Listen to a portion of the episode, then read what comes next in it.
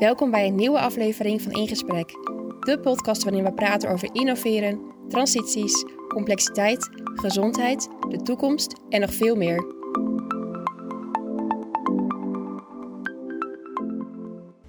Nou, deze week weer een uh, podcastopname waar we alle drie bij aangesloten zijn. En natuurlijk een gastspreker. Vandaag sluit Esmee Glas bij ons aan en gaan we het hebben over impact. Dat is uh, iets waar we heel veel over praten met elkaar. En um, nou, het lijkt in de praktijk toch best lastig te zijn om impact te creëren en om daarbij uh, ja, de betrokkenen ook um, deel van te laten zijn.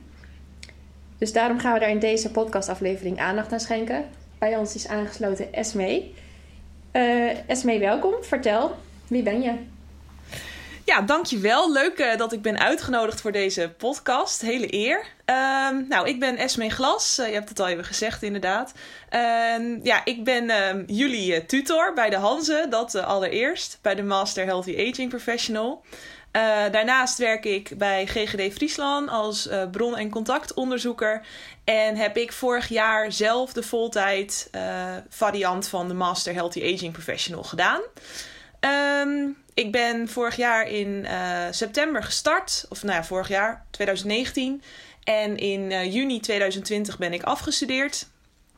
Um, en ik heb tijdens mijn... Uh, tijdens deze studie heb ik ja, eigenlijk bij een, bij een zorgorganisatie in Friesland... heb ik onderzoek gedaan naar het belang van medewerkersparticipatie... om impact te creëren. En uh, ja, het, eigenlijk kwam het erop neer dat ik de focus legde op hoe kunnen we eigenlijk van, met, met z'n allen iets kleins, iets heel groots maken. En voordat je aan de master begon, um, toen heb jij ook verpleegkunde gestudeerd, net als ik. Ja, klopt. En wat was voor jou dan de reden om door te willen gaan met de Master Healthy Aging Professional? Ja, goede vraag. Um, ik heb eigenlijk altijd al, nou altijd, uh, ik heb bewust gekozen om verpleegkunde te studeren nadat ik, uh, ik heb het gymnasium gedaan. Dus dan was het een hele logische vervolg om daarna naar de universiteit te gaan. Maar ik heb er bewust voor gekozen om dat niet te doen. Um, om verpleegkunde te gaan doen, juist om meer de praktische kant op te zoeken, meer bij de patiënt te zijn, meer ja, um, betrokken te zijn bij het zorgproces. Dat was toen het beeld wat ik daarvan had ik zag mezelf niet als arts. Dus die keuze die had, ik, uh, die had ik toen gemaakt. En allereerst ben ik tot op de dag van vandaag blij met die keuze. Maar ik wist wel, met name in de laatste twee jaren van mijn uh, studie verpleegkunde, dat ik, uh, dat ik verder zou willen dan alleen maar, um, nou ja, aan het bed, zeg maar.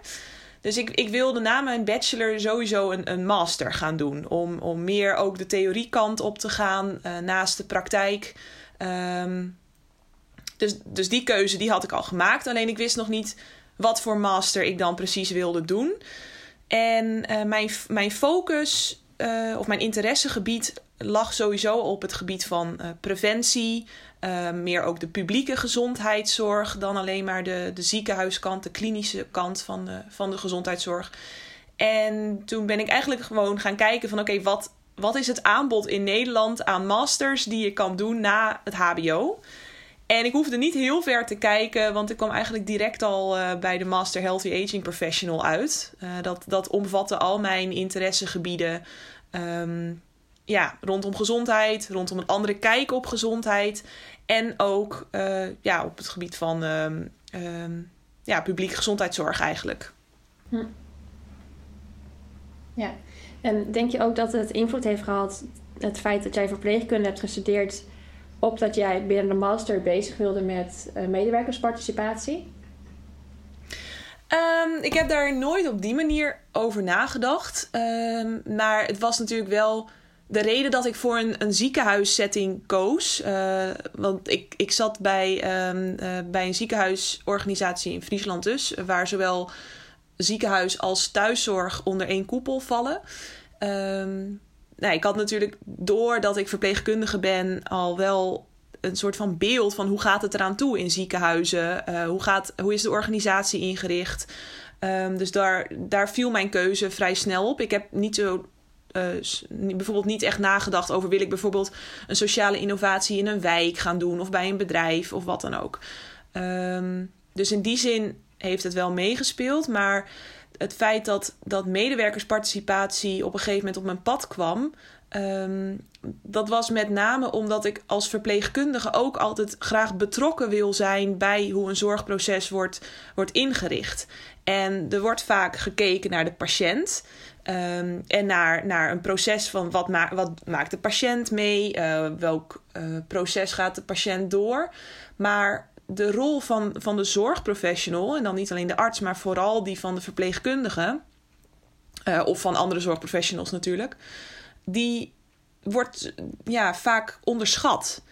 Terwijl ik denk dat het een, een, een combinatie is van uh, zowel een patiënt heeft het naar zijn zin als de zorgmedewerker kan doen uh, wat hij wat graag wil doen. Dus het is een, een samenwerking. Dus in die zin, al om antwoord te geven op jouw vraag, denk ik dat mijn achtergrond als verpleegkundige zeker bij heeft gedragen om op een gegeven moment dus aandacht te schenken aan medewerkersparticipatie. Laten we wel wezen bij, bij een verandering of een vernieuwing in een zorgomgeving.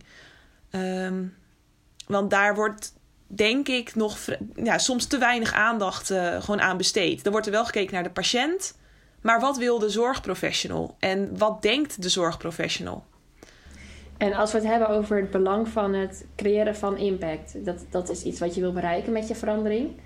Anders ga je geen verandering ja. aan. Je wil iets tot stand brengen, iets in beweging brengen. Ja. Uh, in jouw ogen, hoe belangrijk is het dan om daar um, de medewer medewerkersparticipatie centraal in te stellen? Nou, ik denk dat dat de essentie is van het slagen van een verandering of van een vernieuwing. Um, als we spreken over sociale innovaties, ja, het woord sociaal geeft natuurlijk al aan dat je het met z'n allen doet. Dus het is niet dat één iemand bepaalt van zo gaan we het doen. Het is iets wat je. Nou ja, we hebben het al heel vaker over gehad binnen de master, maar iets wat je doet in co-creatie.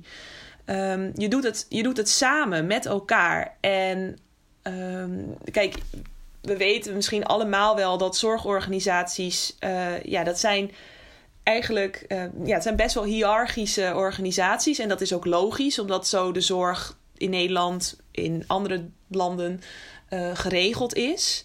Um, maar dat wil niet zeggen dat daardoor de medewerker en de patiënt maar gewoon aan de kant, ja, aan de kant kunnen worden gezet. Dat klinkt een beetje raar, maar um, dat niet naar hen, hun mening wordt gevraagd. En naar hoe zij er tegenaan kijken als er een verandering plaatsvindt.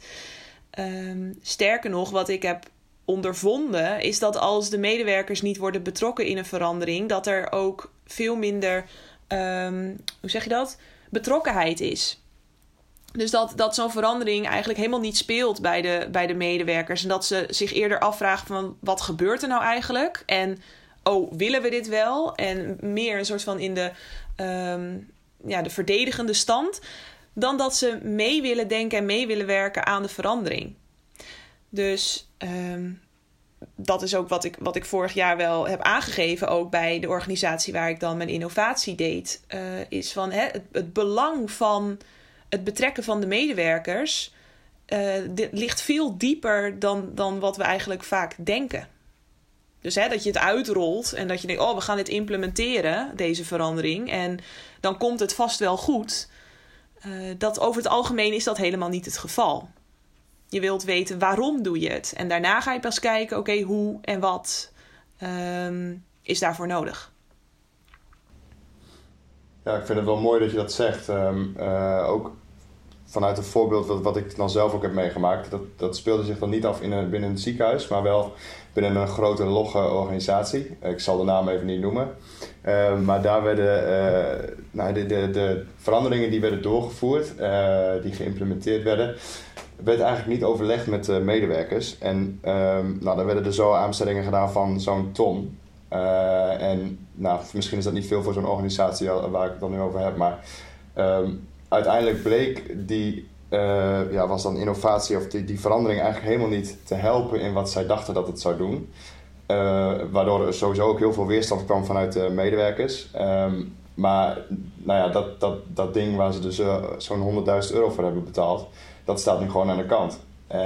en nou ja, je merkte dat dus ook wel in de gesprekken die ik dan voerde met, met deze medewerkers van ja, dat, we hebben er helemaal niks aan. En ze hebben het niet eens overlegd. Hadden dan op zijn minst eventjes aangekaart, weet je wel. Dat, uh, dat is dan wat ik, wat ik hoorde. En, zo simpel kan het volgens mij ook gewoon zijn. Uh, en het kan ook ja. in die zin heel veel helpen natuurlijk bij, bij de nou, implementatie. Want je weet dan ook beter hoe het aansluit op de werkzaamheden.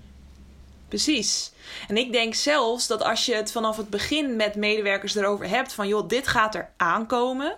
Uh, misschien dat medewerkers ook wel een eigen idee hebben over hoe zij het, op die, op, over hoe zij het willen implementeren. En um, dat is wel trouwens wat op een gegeven moment dus is gebeurd. Dus er zijn echt wel uh, groepjes opgezet waar ook verpleegkundigen in zaten, uh, andere um, unitleiders, artsen. eigenlijk iedereen die betrokken zou moeten zijn bij het implementeren van, ja, van die veranderingen.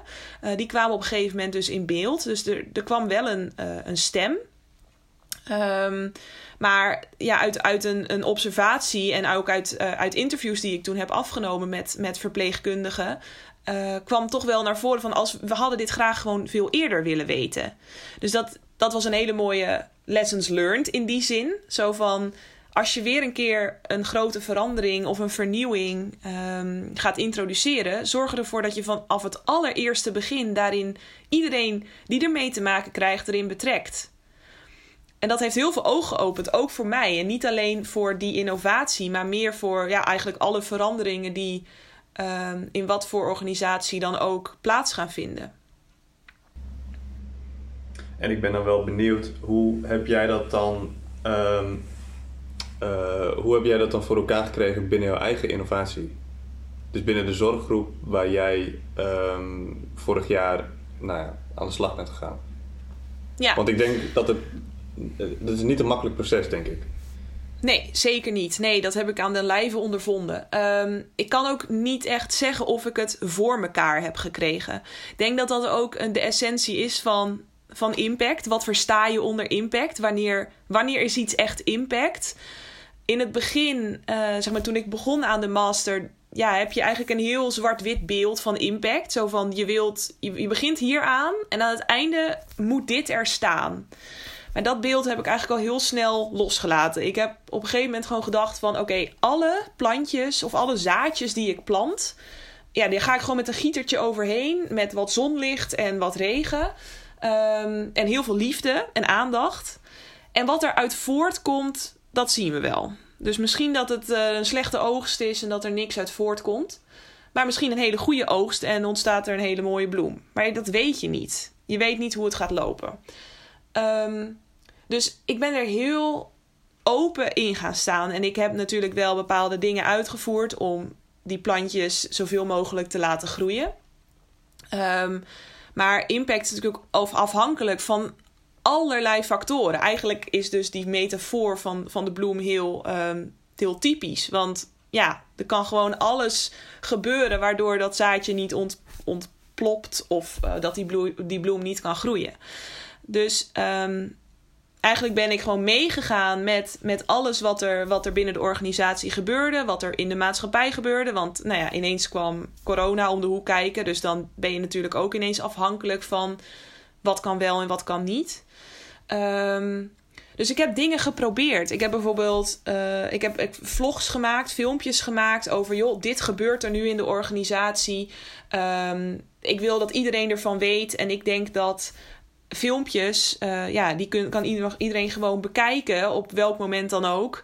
En uh, ja, wat er daarna mee gebeurt, geen idee, maar de informatie breng je over. Um, ik ben met mensen in gesprek gegaan. Ik, ben, uh, ik heb ook met name bij mensen, zeg maar, die, um, hoe zeg je dat? Uh, ja, eigenlijk verantwoordelijk waren voor, voor het, het, het implementeren van de veranderingen, ben ik uh, ja, eigenlijk gewoon een beetje gaan nudgen. Dus ik ben een beetje gaan prikken. Zo van deze kennis heb ik nu opgedaan. Wat kunnen we ermee? Kunnen jullie, willen jullie er überhaupt wat mee? En um, het ook bij andere mensen neergelegd. Dus ik ben een beetje in de, ja, de, edus, de docentrol gaan stappen. Zo van, joh, let hier eens op. En misschien kunnen we iets heel moois bereiken. Um, en ik denk tenslotte dat impact misschien ook pas later zichtbaar is. Dus die bloem, die duurt gewoon misschien wat langer voordat die uitbloeit. En als je die zaadjes hebt geplant, uh, ja, wie weet, op het moment dat jij weg bent, dat dan pas de impact komt. Omdat mensen dan pas stil gaan staan van. Oh ja, nou, hè, toen is er iemand hier geweest en die heeft allemaal dingen verteld. En goh, misschien moeten we er wat mee. Dus ja, zo ben ik er eigenlijk in gaan staan. Dus heb ik dingen bereikt? Weet ik niet. Misschien gebeuren er nu wel allemaal dingen waar ik geen weet van heb, maar wat allemaal wel door mijn toedoen, of mede door mijn toedoen, is ontstaan.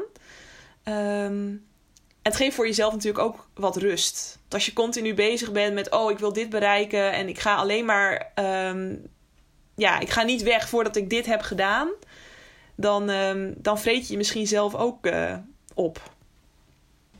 Ja, nou, ik merk ook wel dat ik, um, uh, want de metafoor die je gebruikt, die hebben we toevallig ook gebruikt binnen de organisatie waar ik nu zelf uh, aan het innoveren ben. Um, En voor mhm. mij is het juist dat uh, het is een proces. En het is, het is een heel het proces dat, hè, wat je ook zegt, je, je, weet niet, misschien loopt het nog, misschien, misschien is het ook wel volledig van de baan, je weet, dat, je weet het niet. Maar um, je bent inderdaad die zaadjes aan het planten en die geef je water en je, je, je kijkt of er uiteindelijk iets moois uitkomt. Uh, of misschien inderdaad ook niet. En, um, en je zei net dat het, uh, dat het misschien ook wel rust geeft, dat je misschien niet zozeer vastpint op een uh, een, een, eindproduct of, een, of, of, echt iets concreets wat je neer wil zetten. Maar ik merk zelf ook wel dat um, in dit hele innovatieproces dat ik, um, dat ik het juist moeilijk vind om soms ook te accepteren dat het een proces is en dat er misschien niet iets concreets uitkomt. En dat geeft bij mij misschien juist zelfs wel weer onrust, omdat ik dus niet iets, iets toewerk naar iets tastbaars. Dus ja, dat is natuurlijk ook dat verschilt per persoon. Maar de, de metafoor die jij net schetst van de bloem, die heeft mij wel heel erg geholpen om te realiseren dat het een proces is. En dat impactcreatie niet iets is wat je op korte termijn kunt realiseren. Uh, dus dat vind ik wel, wel, wel mooi aan, uh, aan wat je net vertelt. Ik denk ook niet dat je dat op korte termijn moet willen, dat je zoveel impact al ziet. Want dan ben je alleen maar resultaatgericht bezig. Van ik wil die impact zien en ik wil dat nu al in de praktijk ervaren dan denk ik dat de focus op het proces zelf veel minder wordt. Sterker nog, ik denk zelfs dat um, natuurlijk, het hangt af van de organisatie waarin je zit. Maar in een zorgorganisatie, uh, ja, daar weet je denk ik op voorhand bijna al van. Ik weet niet hoe het gaat lopen. Omdat alles afhankelijk is van ja, hoe het loopt in zo'n organisatie. En um, dat, dat juist eigenlijk op het begin al je weet van oké, uh, we, gaan, we vliegen het gewoon aan. En alle kleine beetjes helpen. Dat dus alle kleine beetjes ook direct impact zijn. En misschien die hele kleine beetjes bij elkaar kan je uiteindelijk een, nou ja, iets heel groots van maken. En er, er wordt in deze maatschappij, denk ik, sowieso heel vaak de focus gelegd op het, het behalen van resultaten. Ik denk dat dat, um, dat geldt al eigenlijk voor op het moment dat je op de basisschool zit, dan gaat het al om het behalen van een, een goed resultaat. Als je naar de middelbare school moet, nou, de hoogste CITO-score, nou, oké, daar wordt op gebaseerd naar welke middelbare school jij kan. Um, dus we zijn daar ook gewoon een beetje mee opgegroeid met het behalen van resultaten. En ik denk juist dat deze master en alles wat daarbij bij komt en waar we mee bezig zijn, uh, wat nou ja, gerelateerd is aan deze master, is dat we juist die gedachten een beetje aan de kant willen zetten. En dat het dus niet gaat om het resultaat, maar om het proces en om um, ja, wat je, wat je bijvoorbeeld bewerkstelligt bij, bij één persoon. Als iemand net zo kan gaan denken als jij daarin, of dat hij erover na gaat denken, dan heb ik het al over impact. Ja, dus ik, ik merk wel aan mij dat, dat, dat, het verhaal wel iets triggert in mij. Uh, want ik ben het helemaal mee eens dat het proces ook heel belangrijk is. Um, maar in hoeverre, uh, dat is dan even de vraag die daaruit voortkomt, denk ik, uh, wat mij triggerde. Maar in hoeverre moet je dan ook, of moet je dan ook nog wel doelen stellen? Um, om te, wel te weten van welke richting je dan op wil. Ik, kan me voorstellen dat, om even in, in de metafoor te blijven van de bloemen, dat je wel een idee hebt van zo, wil ik, zo lijkt het me mooi omdat dat die bloem eruit komt te zien. Sterker nog, ik denk dat dat. Um als je geen doelen stelt, weet je natuurlijk ook niet waar je naartoe wilt. Dus zonder een we hebben het natuurlijk niet voor niks altijd over een moonshot. Er is wel een soort van iets in de toekomst waar we graag naartoe willen gaan. Want zonder zo'n toekomstbeeld kan je ook niet, ehm, kan je ook niet bepalen van oké, deze kant gaan we op. Dus volgens mij ga je dan zwemmen en, en bereik, je, bereik je eigenlijk niks. Of heb je geen idee op welk moment je kan realiseren van oké, nu heb ik impact gemaakt, ja of nee. Dus doelen stellen, of eigenlijk een meer soort van algemeen toekomstbeeld of een verlangen bijvoorbeeld. Ja, dat, dat is denk ik essentieel om een innovatie überhaupt te beginnen. Want anders begin je er denk ik niet eens aan. Dus tuurlijk, als jij een zaadje plant, dan wil jij dat daar de allermooiste zonnebloem uit voortkomt die maar, ehm, die maar denkbaar is. Maar ik denk dat het gaat om de mindset die je hebt om te kunnen denken: oké, als door wat voor omstandigheden dan ook, maar niet door mijn toedoen, deze bloem niet uitbloeit tot een, uh, tot een prachtige zonnebloem, dan heb ik er alles aan gedaan wat kon. Maar dan ligt bij mij niet, uh, zeg maar, het de fout of de schuld als het niet is gebeurd. Dan heeft het gewoon te maken gehad met andere omstandigheden waar ik geen invloed op uit heb kunnen oefenen.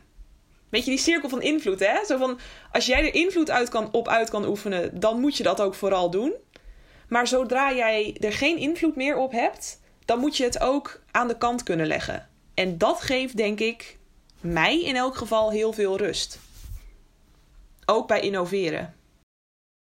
Even een hele andere vraag, Esme. Jij bent natuurlijk een verpleegkundige en je bent daarbij ook change agent geworden. Dus Ja. we kunnen jou een heuse gezondheidsbevorderaar noemen. Oké, Ehm, oh, dat is een mooie titel. ja. Eh, als ik jou 30 seconden geef om jouw eigen perfecte recept te pitchen om 100 jaar te worden, Oké, dan mag je nu beginnen. dan mag ik nu beginnen. Tijd gaat nu in. Oké. Elke dag hard, heel hard lachen. Sowieso lach gewoon de hele dag. Ehm, heb mensen om je heen waar je energie van krijgt, blij van wordt. Ehm, eet de dingen die je lekker vindt, maar zorg wel voor dat het nou, redelijk gezond is. Ehm, beweeg. Heb lief. Eh, heb energie voor tien. of tenminste, doe de dingen waar je energie van krijgt. En ja, geniet van het leven, van elke dag. Denk niet te ver vooruit, maar denk wel een beetje vooruit, zodat je wel elke dag met een doel opstaat. Nou, prachtig. Ik vind hem Yes. mooi. Ja, ik ook. Wat een leuke vraag trouwens. Ook leuk om zo even hup over na te denken. Ja, het is vooral leuk dat mensen ook wel ehm, aan de ene kant heel verschillend antwoorden, maar toch ook wel veel overeenkomsten. Vooral het stukje met de, het opstaan met een doel, bijvoorbeeld. Ja, eigenlijk is het gewoon... Je hebt ook zo'n... eh, die blue zones, hè? In, ehm, nou ja, eh, Japan, et cetera. Dat is een beetje zo'n standaard rijtje. Maar ik denk ook echt dat het gewoon klopt. Dus dit... dit en ik- ik ben ook wel... Ik heb nu ook wel nagedacht van... Doe ik dan al deze dingen die ik nu zeg? Want anders is het natuurlijk een beetje raar. maar ik doe dit wel allemaal. Dus ja, het is wel echt mijn ultieme recept. Dus ik hoop dat het ook werkt. Om 100 jaar te worden. Zou ik wel leuk vinden. Daar komen we dan eh, over een aantal jaar wel even op terug. Kijken we Ja, hoe het, eh, hoe het dan gaat. Gaan we dan weer een podcast doen, ja? Ja. Dat lijkt me heel leuk. 75 jaar geleden, 65 jaar geleden zei je dit. Nee, 75. Oh, yo. Oh, jongens. Het zou wat zijn. Om weer even terug te komen op het stukje medewerkersparticipatie. Eh, als jij terugkijkt op je innovatieproces, wat zijn dan voor jou de lessons learned? Wat heb jij echt, ehm, hoe moet ik dat zeggen? Wat neem je mee vanuit je innovatie? Wat je ook als tip wil geven aan andere mensen om, eh, die naar de podcast luisteren, die misschien ook bij een organisatie betrokken zijn of een organisatie hebben, om, die, om dat stukje participatie te vergroten. Mm, ik denk dat het heel belangrijk is dat je bij jezelf begint. Dus waar kom jij voor in die organisatie? Wat, eigenlijk waar we net over hadden. Wat is jouw moonshot? Wat zijn je doelen? Waarvoor kom jij daar? Wat wil jij, wat wil jij veranderen? Wat wil jij binnenbrengen? Dat is het, het eerste waar je over na moet denken. Ehm, dus eigenlijk een beetje een betere wereld begint bij jezelf. Dat verhaal. En denk dat het daarna belangrijk is dat de mensen die in die eerste schil zitten, dus die heel dicht bij jou staan, met wie jij die verandering ehm, gaat uh, bewerkstelligen, of een implementatie, of sociale innovatie, of wat dan ook, dat je die gaat vertellen over jouw gedachten en ideeën.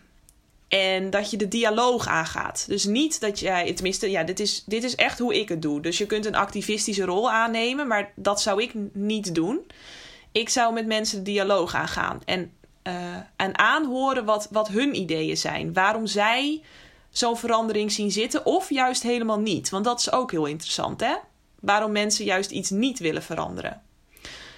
Nou, daar ga je het met elkaar over hebben. En ik denk dat je dan steeds weer die schil uitbreidt. Dus de mensen die dan uh, die direct te maken gaan krijgen met die innovatie. Dus als we het dan hebben over de zorgorganisaties, en dat de, de zorgprofessionals, de patiënten, de artsen. Dat je daarna met hen in gesprek gaat. En hetzelfde verhaal voert. Dus weer de dialoog aangaat. Weer hen laat vertellen waarom zien jullie dit wel, waarom zien jullie dit niet zitten. En waarom. Altijd de waarom hebben we die Simon Sinek uh. Dus start with the why. Um, en dus ja, echt het exploreren. Dus waarom gaan we dit doen? Waarom willen we dit doen? En wil iedereen dit doen? En zo ja, waarom? En zo nee, waarom niet? En ik denk dat je daarna pas gaat beginnen met echt het, het uitdenken van ideeën. De manier waarop je het gaat aanpakken en hoe.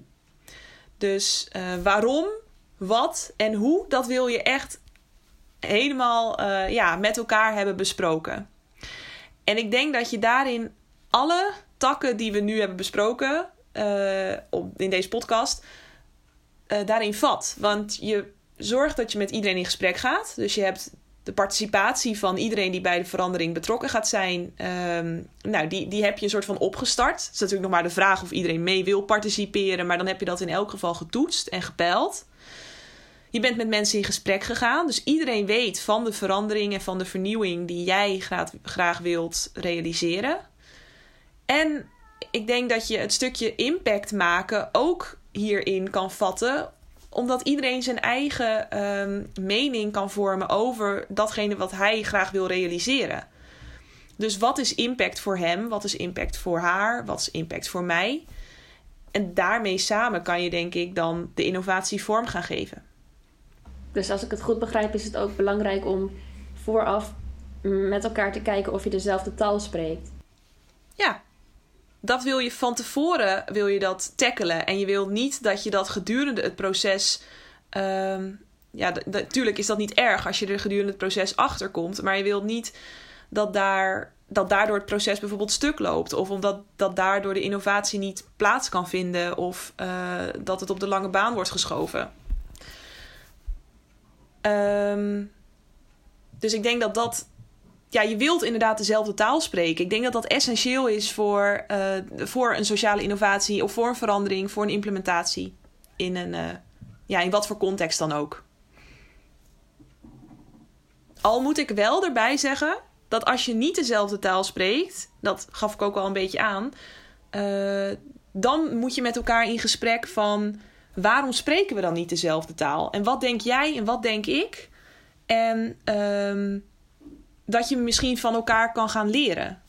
Dat je dan eigenlijk als een soort van tolk werkt. Je hoeft natuurlijk niet per se dezelfde taal te spreken. Als er maar iemand is die een soort van speel in het web kan zijn. Om de verschillende meningen aan elkaar te verbinden en daar iets moois van te maken. En ik denk dat dat een uitgelezen uh, of een, een, een, prachtige rol is voor zo iemand als een change agent. Dat hij dat aanvoelt en ziet waar er, uh, nou, waar er moeilijkheden, problemen liggen, maar ook waar de kansen liggen. Nou, dat zijn in ieder geval hele mooie woorden en ik hoop dat de luisteraar daar wat mee kan. Heb jij tot slot nog iets wat je de luisteraar wil meegeven? Iets, uh, een inspirerende quote of een, nou, een, een laatste tip? Ik, ik, denk dat deze podcast vol zit met, uh, met inspirerende quotes. Maar daar mogen jullie zelf even naar, naar, gaan, naar op, zoek gaan. Um, wat ik mee wil geven. Ja, ik denk dat ik het al 30 minuten lang heb verteld. Maar denk, denk niet te groot, maar denk ook juist wel weer groot. Want dat, dat drijft uh, uiteindelijk um, ja, toch je motivatie om iets te bereiken. Uh, maar wees blij met wees blij met de kleine dingen. Ga de dialoog aan met mensen. Wees altijd nieuwsgierig naar iemand zijn gedachten, iemand zijn beweegredenen. Ehm, en vergeet ook niet je eigen rol in, in zo'n geheel. Door, door zelf uh, ja, niet te vergeten wie je zelf bent. Ga je niet voordoen als iemand anders. Als jij een, um, als jij een kat uit de boomkijker bent, dan zul je dat altijd beter kunnen dan direct uh, nou, vol in het diepe duiken. Um, dus doe vooral jezelf ook niet voor als iemand anders, maar doe de dingen zoals jij ze zou, zou willen doen. Is dat iets? Zeker. Heel mooi. Okay. Ja. Hartelijk dank uh, voor je komst. Graag gedaan. En jullie nogmaals bedankt voor de uitnodiging. Ik hoop dat, uh, ik, dat de luisteraar hier wat aan heeft. Bedankt voor het luisteren naar deze aflevering van In Gesprek. Volg ons via de socials om op de hoogte te blijven van het laatste nieuws en om geen aflevering te missen.